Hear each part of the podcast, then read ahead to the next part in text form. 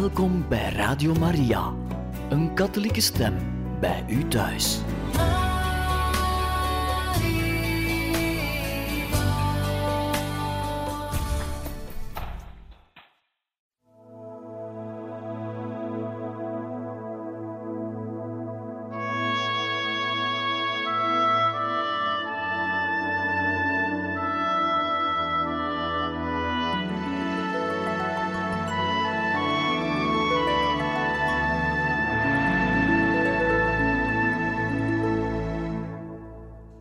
Beste luisteraars van Radio Maria, hartelijk welkom in dit programma Heilige Getuigen, waar wij verder gaan met het laatste hoofdstuk, hoofdstuk 7, Mystica, van de biografie van Edith Stein, zuster Theresia Benedicta van het Kruis, geschreven door pater Carmeliet Anders Arborelius. Bruid van Christus.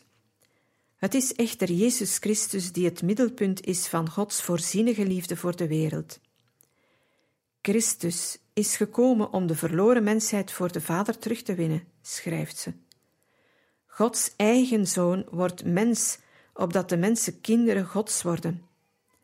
Sinds die wonderbare ruil is Christus het middelpunt in het leven van iedere mens. Edith is ervan overtuigd dat het mysterie van de afzonderlijke mens maar kan begrepen worden vanuit het mysterie van Christus. God is mens geworden om ons opnieuw deel te laten hebben aan zijn goddelijk leven. Dat is zowel het begin als het einddoel. Met deze woorden uit haar boekje Weihnachtsgeheimnis tekent Edith de horizon van ieder mensenleven. Iedereen wordt geroepen om deel te nemen aan heel het mysterie van Christus, om heel zijn bestaan in Hem en samen met Hem te beleven. In hetzelfde boekje dat ondanks zijn beknoptheid heel het Christusmysterie samenvat, schrijft Edith: Christus is God en mens, en wie deel wil hebben aan zijn leven, moet zowel aan zijn goddelijk als aan zijn menselijk leven deelnemen. Door de menselijke natuur die hij had aangenomen, was het hem mogelijk te lijden en te sterven. En zijn lijden en dood kregen een oneindige waarde, een onuitputtelijke, verlossende kracht door zijn goddelijke natuur. Christus lijden en dood worden in zijn mystiek lichaam en in ieder van zijn leden voortgezet. Het lijden van Christus en de reddende waarde ervan staan in het centrum van Ediths aandacht. Het concrete leven van de mens met alle beproevingen en moeilijkheden ervan moet een voortzetting zijn van een deelneming aan het leven van Christus. Alleen door deze vereniging met Hem wordt het leven zinvol en vruchtbaar. Maar hoe komt men tot deze vereniging met Christus? Door het gebed, het liturgische en het persoonlijke. Edith kende en beoefende beide vormen van gebed, gevormd als zij was in de geest van de liturgie te en tevens heel doordrongen van het karmelitaanse ideaal van stilgebed. En ze zag helemaal geen tegenstelling tussen die twee wijzen van bidden. Ook onderlijnt ze dat gebed en inwendig leven eerder de vrucht zijn van Gods werking in ons dan van eigen inspanning. We hoeven ons maar aan te sluiten bij het grote dat in ons gebeurt. Daarom definieert Edith in haar boekje Gebet der Kirche het mysterie van het inwendige leven als het in elkaar bestaan van de goddelijke personen en de inwoning van God in de ziel. Door zijn onverbrekelijke eenheid met Christus heeft de gedoopte vrije toegang tot de drie-ene God die in hem woont. Gebed is altijd een beweging naar binnen, een ontdekking van de werkelijkheid die men in zich draagt. Of het nu een deelnemen is aan de officiële liturgie van de kerk, of wel een heel persoonlijke samenspraak met God. De Eucharistie is in Ediths ogen een bevoorrechte manier van bidden en van verdieping van de gemeenschap met Christus. De grote betekenis van dit sacrament voor haar blijkt uit het feit dat ze sedert haar doopsel iedere dag naar de mis gaat, hoe druk ze het ook heeft. Wanneer ze thuis is in Breslau, staat ze voor alle anderen op om naar de eerste mis te gaan. Haar moeder vertelt hoe ze s morgens vroeg de buitendeur zachtjes hoorde openen en sluiten. Dan wist ze dat het Edith was die naar de kerk ging, terwijl heel de familie nog sliep. In Spiers, Münster en later ook in de Karmel zit Edith dikwijls urenlang geknield voor het tabernakel. De Eucharistie is een essentieel deel van haar bestaan geworden, een krachtbron die haar steeds inniger met Christus verbindt. Ze schrijft: Eucharistisch leven trekt ons vanzelf weg uit de bekrompenheid van het eigen leven en doet ons voortdurend groeien in de oneindige grootheid van Christus leven. En in een nog niet gepubliceerd werk, Theologische Antropologie, nota van de schrijver, in dit werk tekent Edith een beeld van de mens vanuit de theologie, een beeld dus van de gelovige mens. Ook hier blijkt ze een voorloopster te zijn. Eerst in de huidige tijd begint dat deel van de theologie, dat men theologische antropologie kan noemen, een zelfstandige deelwetenschap te worden. Het Karmelitaanse Instituut voor Spiritualiteit in Rome begon in 1981 met een academische opleiding in die theologische antropologie. Dus in dit nog niet gepubliceerd werk, Theologische Antropologie, heet ze de Eucharistie het centrale sacrament. Heel het sacramentele leven, ja, heel het christelijk leven moet gezien worden vanuit de Eucharistie en de gemeenschap met Christus, die daarin zo duidelijk wordt. Ook op het offerkarakter van de Eucharistie legt Edith de nadruk. In overeenstemming met haar persoonlijk charisma, waar offer en overgave een zo centrale betekenis hebben, ziet ze de Eucharistie als het totale offer, waarin Christus als hoofd van de mensheid en koning van de schepping zichzelf en al het geschapene aan God aanbiedt. In de Eucharistie gaan offer en gebed samen. God en mens worden er één. Deze eenheid van de mens met Christus vat Edith samen in het begrip sponsa Christi, bruid van Christus. Op menselijk vlak is er geen vereniging die zo intiem is als die tussen bruidegom en bruid. Daarom werd deze werkelijkheid altijd gebruikt als beeld voor de innerlijke verhouding tussen God en mens.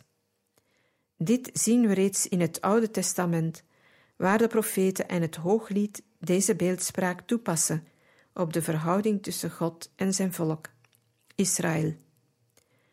Op dezelfde wijze wordt in het Nieuwe Testament de eenheid tussen Christus en zijn volgelingen gekarakteriseerd. In heel de christelijke traditie wordt die bruidssymboliek aangewend om te wijzen op de weergaloze liefde van Christus voor zijn bruid, die zowel de kerk kan zijn als de afzonderlijke christen. En heel speciaal onze lieve vrouw, die immers het toonbeeld is van de kerk en tevens van de wijze waarop ieder christen zijn verhouding tot Christus dient te beleven. Al deze grondgedachten vinden wij terug bij Edith Stein, vooral in haar geschriften en voordrachten over problemen van de vrouw. Is Sponsa Christi een thema dat steeds terugkomt. Maar het zijn niet alleen vrouwen die geroepen worden tot de onverbrekelijke en voortdurende vereniging met Christus, die door dit begrip wordt uitgedrukt. Zo schrijft Edith. Een sponsa Christi heet niet alleen de Godgewijde Maagd, maar heel de kerk en ieder christenmens, zoals Maria toonbeeld is voor de kerk en voor alle verlosten. Iedere mens is dus geroepen om een sponsa Christi te zijn, dus heel en al voor Christus te leven. Deze algemene roeping krijgt echter op speciale wijze gestalte bij diegenen die zich door kloostergelofte heel aan Christus toewijden. Nog dieper en volmaakter dan in het geval van de gehuwde vrouw wordt de kerk persoonlijk belichaamd in die vrouw die als sponsa Christi haar leven aan de Heer heeft toegewijd en een onverbrekelijke verbintenis met Hem heeft aangegaan.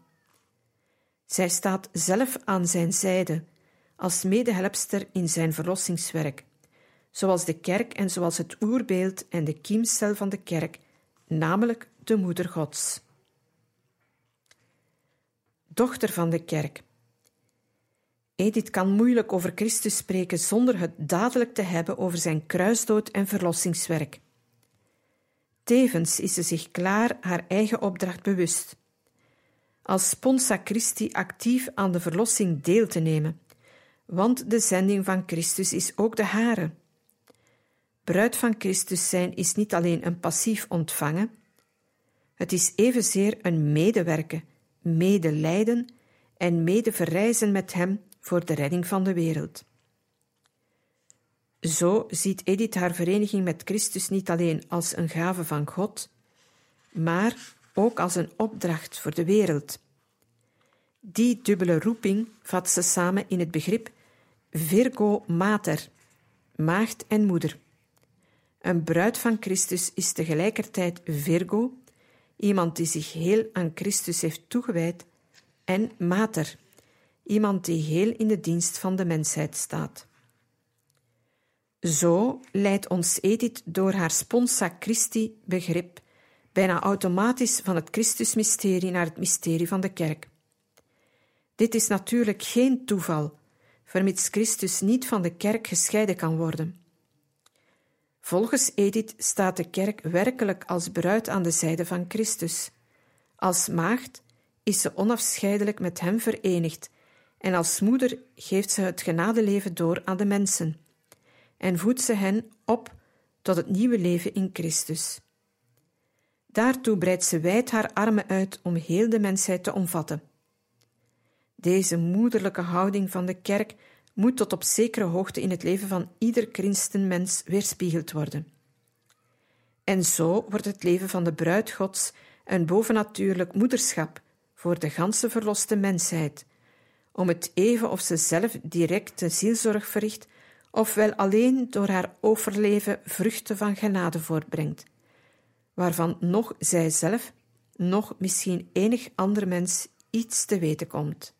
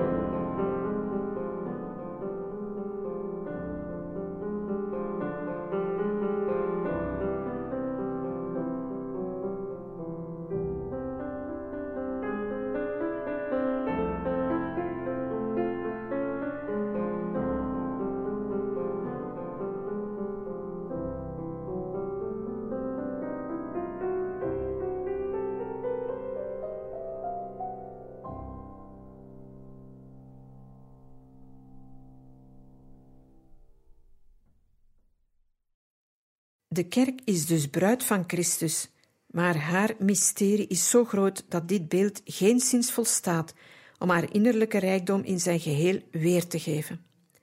Daarom grijpt Edith ook dikwijls naar de beeldspraak van Paulus, die de kerk ziet als het mystiek lichaam van Christus. Ook hier toont ze zich beïnvloed door de geest van Beuron en de andere Duitse Benedictijner abdijen. Juist daar immers kwam een verdiept inzicht in het kerkmysterie tot bloei, aansluitend bij de opvatting van Paulus en de kerkvaders. De kerk is in die mate één met Christus dat ze niet alleen zijn bruid, maar ook zijn lichaam is. Een gemeenschap waarvan alle christenen als het ware ledematen zijn en Christus zelf het hoofd. Het Christusmysterie leeft verder in zijn ledematen. Wat met hem gebeurde, wordt in hen herhaald. Christus lijden en dood worden in zijn mystiek lichaam en in ieder van zijn ledematen voortgezet. Iedereen moet lijden en sterven. Maar wanneer wij levende ledematen van Christus lichaam zijn, krijgen ons lijden en onze dood door de Godheid van het hoofd verlossende waarde. En zoals Christus verrees, zullen ook de ledematen van zijn mystiek lichaam eens verrijzen tot het nieuwe, volle leven met de Vader. Maar zoals de kerk een gemeenschap is van hoofd en ledematen, God en mensen, is ze ook een gemeenschap van mensen onder elkaar. Ook dit aspect van het kerkmysterie staat Edith levend voor de geest. Christenen leven in een onderlinge relatie van vriendschap, die zichtbaar kan zijn, maar ook verborgen. Ze kunnen altijd elkaars groei in het genadeleven bevorderen. Zelfs de dood betekent geen definitieve scheiding, want over de dood heen blijven we verenigd, zowel met de zielen in het stadium van loutering als met hen die reeds deel hebben aan Christus verheerlijking. Dit brede perspectief is de ruimte waarin Edith leeft en bidt. Voor haar is het gebed het beleven van een gemeenschap over alle grenzen heen. In dit verband mag er gewezen worden op Ediths breeddenkendheid. Ongetwijfeld is ze ervan overtuigd dat de katholieke kerk de ene ware, door Christus gestichte kerk is. Toch begrenst ze de gemeenschap der heiligen niet tot de katholieke kerk. Ze weet immers dat velen schijnbaar buiten haar leven, maar door het feit dat ze de waarheid zoeken, onzichtbaar met haar verenigd zijn en deel hebben aan het genadeleven. Deze oeroude, zuiver katholieke opvatting treedt telkens opnieuw naar voren in wat Edith schrijft. Wanneer Husserl, die als een weinig overtuigd protestant had geleefd, op sterven lag, hoopte ze vertrouwvol op zijn redding. Een leven dat, zoals het zijne, eens streven naar de waarheid was geweest, kon immers niet voor altijd verloren zijn. Nog duidelijker blijkt deze overtuiging wanneer Edith het over haar moeder heeft, die diepgelovige Jodin, die meer heeft betekend dan wie ook om haar dochter de stap naar het geloof in God te helpen zetten. In een brief schrijft ze: Op aller zielen zullen we beide onze moeder gedenken. Dit is voor mij altijd zeer troostvol. Ik vertrouw vast dat mijn moeder nu bij machte is haar kinderen in deze benarde omstandigheden bij te staan. Feitelijk drukt Edith hier de overtuiging uit dat haar moeder een heilige is, dat de vrome Jodin haar doel heeft bereikt en degene die in nood en vervolging op aarde leven kan bijstaan. Daarom roept ze ook haar hulp in. Auguste Stein behoorde zeker niet tot de zichtbare kerk, maar door haar brandend geloof en rechtgeaard leven verbleef ze toch onbewust in de schoot van Christus kerk. In een andere brief van dezelfde dag, 31 oktober 1938, komt Edith op dezelfde gedachte terug. Maar ik vertrouw erop dat mijn moeder vanuit de eeuwigheid voor hen zorgt. Ze is er immers van overtuigd dat haar moeder in het hart van de kerk leeft, waarin Christus allen wil voeren, of ze zijn naam kennen of niet. In het mysterie van de kerk treedt de mens binnen met alles wat hij heeft en is. Alle grenzen en tegenstellingen worden er overbrugd. elke vorm van eenzaamheid opgeheven. Christus heeft ons niet als wezen achtergelaten. Hij heeft zijn geest gezonden die ons de volle waarheid leert. Hij heeft zijn kerk gesticht, die door zijn geest bestuurd wordt, en heeft daarin plaatsvervangers aangesteld, die in mensenwoorden vertolken wat de Heilige Geest ons te zeggen heeft. Hij heeft de gelovigen in die gemeenschap samengebracht en wil dat ieder verantwoordelijk is voor de anderen. Wij zijn dus niet alleen, en mocht ons vertrouwen in eigen inzicht en zelfs in eigen gebed falen, dan worden wij nog geholpen door de kracht van de gehoorzaamheid en het gebed van anderen. Maria's zuster. Voor Edith Stein heeft de Heilige Maagd haar vanzelfsprekende plaats in het rijke spectrum van het sponsa Christi-begrip. Zij is immers tegelijkertijd oerbeeld van de kerk en van wat de mens in zijn diepste wezen is. Altijd opnieuw komt Edith terug op Maria's overgave van heel haar wezen aan de dienst des Heren. In haar persoon wordt de wezenlijke behoefte van de mens om te dienen en zich te offeren belichaamd. Zij wil immers heel en al dienstmaagd des Heren zijn, hem alleen toebehoren en ter beschikking staan.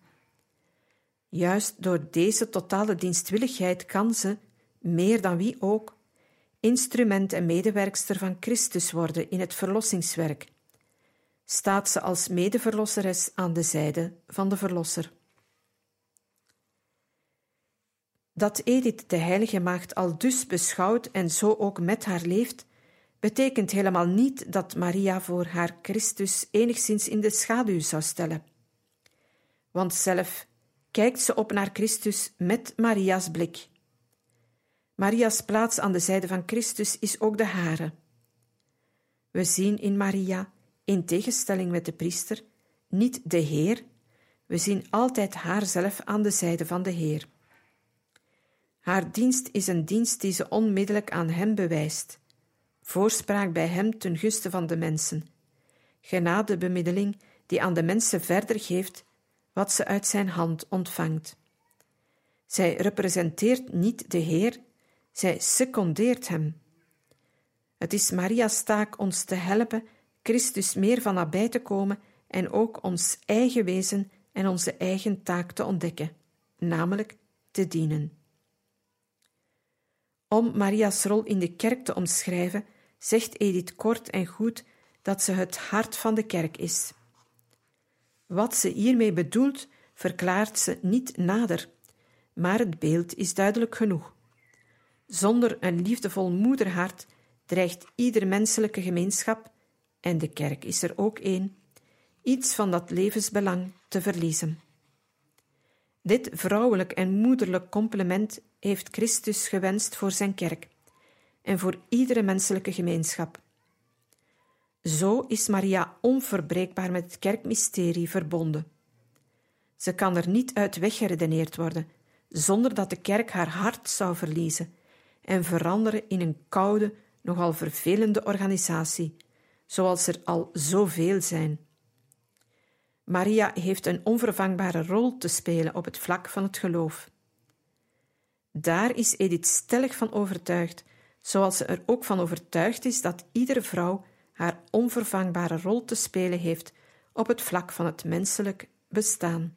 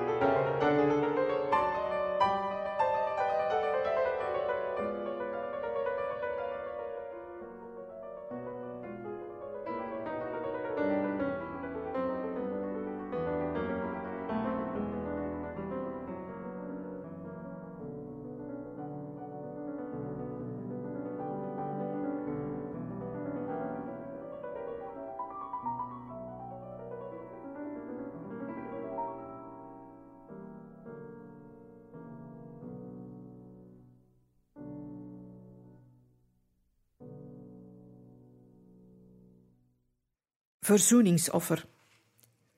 Edith Stein heeft misschien geen imponerende persoonlijke inbreng wat geloofsleer en mystiek betreft. Voor een christen komt het er ook niet zozeer op aan origineel te zijn in zijn geloofsbeleving, als wel erin te groeien.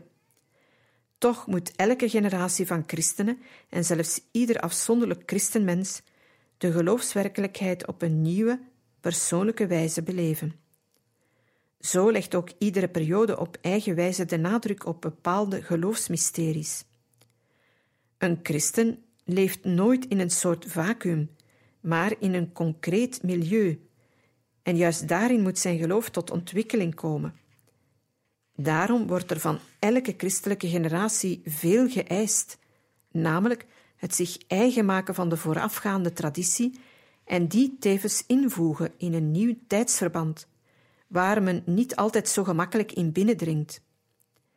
Juist in dit opzicht mogen we spreken over de persoonlijke en oorspronkelijke bijdrage van Edith Stein. In vele opzichten is zij een kind van haar tijd. Eerst een geseculariseerde studente die moeizaam zich een weg baant naar het geloof, dan na haar doopsel een leek die zich totaal voor de kerk inzet, in het bijzonder voor de emancipatie van de vrouw, ten slotte een offer van de gruwelijkste misdaad van onze tijd, de uitroeiing van de Joden door het nazisme. Dus zeker iemand die midden in onze hedendaagse geschiedenis staat. Maar kan zij ons ook door haar leven en werk op weg zetten tot een dieper begrip van wat er in onze tijd omgaat? Een dergelijke vraag kunnen we natuurlijk niet met een onvoorwaardelijk ja of nee beantwoorden. Hoe dan ook, als christenen kunnen we door haar de situatie van onze tijd wat beter leren begrijpen en daardoor ook leren inzien hoe het geloof kan geïncarneerd worden in de hedendaagse werkelijkheid, met problemen zoals de emancipatie van de vrouw, de secularisering van de maatschappij en, om de zaak op de spits te drijven, de gruwelijke werkelijkheid van Auschwitz. Edith Stein geeft ons geen goedkope gepatenteerde oplossingen zoals we die soms vinden in een zekere theologische literatuur, die alles in zulk vereenvoudigd perspectief bekijkt dat het geloof er tot een ideologie of een soort kalmeringsmiddel gereduceerd wordt. Edith is er diep van overtuigd dat Christus ons over alles en in alle wisselvalligheden van het leven iets te zeggen heeft. En zelf is zij altijd bereid zich luisterend aan Hem over te geven, om al dus de weg te leren kennen die Hij voor haar uittekent, en aan de medemensen de dienst te kunnen bewijzen die Hij van haar vraagt. Daarom komen de woorden offer en overgave zo dikwijls in haar geschriften voor. Zij is bereid tot alles wat hij van haar verlangt. Haar leven is immers ten volle in zijn mysterie ingelijfd. Vermits zij kwam om verzoening te brengen, is het ook haar roeping om tot verzoening en eendracht bij te dragen. Vermits hij door zijn volmaakt kruisoffer bron van het nieuwe leven voor allen werd, wil zij, in navolging van hem, ook haar leven offeren om bij haar medemensen inzicht in en ontvankelijkheid voor het nieuwe leven in Christus te wekken. Met woorden als offer en verzoening mag men echter niet lichtzinnig omspringen. Ze behoren tot die begrippen die gemakkelijk een zekere bloeddorstigheid bij God kunnen suggereren, alsof Hij door bloedige offers zou moeten verzoend worden. In de loop der tijden is de theologische taal soms in die val geraakt en zelfs Ediths formuleringen worden er wel eens door gekleurd.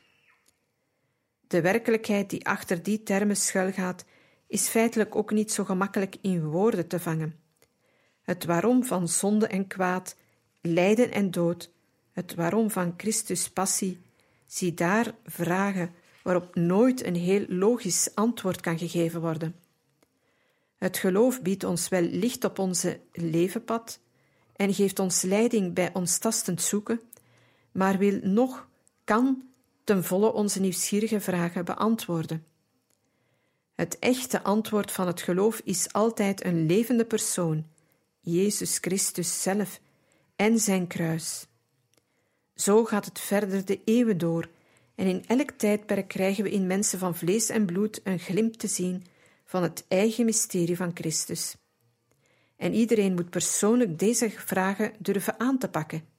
Niet om zijn nieuwsgierigheid te voldoen, maar om zijn verlangen naar de waarheid en naar de zin van het leven te stillen. Intussen kan Edith Stein door haar persoonlijk levenslot ons helpen om in de tragische gebeurtenissen van onze tijd en van ons eigen leven een zin te ontdekken. Auschwitz is een onuitwisbare werkelijkheid, die trouwens in een of andere vorm altijd herhaald kan worden. Maar wat is de zin van een bestaan dat voor een zo onvatbaar kwaad, een zo absolute boosheid openstaat? Ofwel heeft Auschwitz en daarmee ook het menselijk bestaan helemaal geen zin, ofwel heeft het menselijk bestaan en daarmee ook Auschwitz, ondanks alles, toch nog zin. De gelovige mens weet dat God allesbehalve bloeddorstig is, maar hij heeft de mens de vrije hand gegeven. Hij kan hem immers niet tot liefde dwingen. De mens is dus vrij, maar die vrijheid wordt hem gegeven om zich in liefde tot God te wenden. En zelfs indien de mens egoïstisch zijn vrijheid misbruikt, is God toch nog bij machte zijn boze daden uit te wissen. Zonde en schuld hebben nooit het laatste woord. Zelfs de gruwel van Auschwitz dooft de hoop niet uit. Die hoop was het die de gelovige Joden ertoe bracht het Shema Israël aan te heffen op de weg naar de gaskamers, in het geloof dat hun offer, ondanks alles, tot verzoening zou strekken. Door hetzelfde geloof zien de christenen in Jezus Christus Hem die God voor ons tot zonde heeft gemaakt, om ons van onze zondelast te bevrijden. Zelfs de grootste misdaden worden door Christus verzoend. De liefde is het die het laatste woord heeft en niet de haat, het leven en niet de dood, de goedheid en niet de boosheid. Dit toont ons Edith Stein door haar leven en vooral nog door haar dood, want ook de dood is een deel van het mensenleven. Ze toont het ons niet in een klaar geformuleerd antwoord op de grote levensvragen, maar door ons te helpen de uiteindelijke zin van alles te zoeken in het licht van Christus. We weten niet wat ze allemaal heeft meegemaakt tijdens de laatste tragische uren van haar leven, noch wat ze in haar binnenste erover dacht. Maar haar doodsdag roept de herinnering op aan haar geboortedag, de dag van verzoening. Zo komen we terug bij ons uitgangspunt. De boodschap van de dag van verzoening behoort wellicht tot het belangrijkste in Ediths leven en werk. Door die boodschap helpt ze ons de zin te ontdekken van ons leven en in te zien dat, ondanks alles, verzoening er het laatste woord van is. In haar boekje Gebet der Kirche schrijft ze: De dag van verzoening is het oud-testamentisch model van Goede Vrijdag. De bok die voor de zonde van het volk geslacht werd, stelde het smetteloze godslam voor. Ook wel die andere, die, door het lot aangeduid en met de zonde van het volk beladen, in de woestijn gedreven werd. En de hoge priester uit het geslacht van Aaron is een voorafbeelding van de eeuwige hoge priester. Zoals Christus bij het laatste avondmaal zijn offerdood vooruitliep, zo liep hij ook zijn hoge priesterlijk gebed vooruit. Hij behoefde geen zoenoffer te brengen, want hij was vrij van zonde. Hij hoeft niet het wettelijk voorgeschreven uur af te wachten en niet het allerheiligste van de tempel op te zoeken. Hij staat altijd en overal voor Gods gelaat. Zijn eigen ziel is het allerheiligste. Ze is niet alleen het huis van God, maar ook tot in haar diepste wezen toe onlosmakelijk met God verenigd. Hij hoeft zich niet door een beschermende rookwolk voor de Heer te verbergen.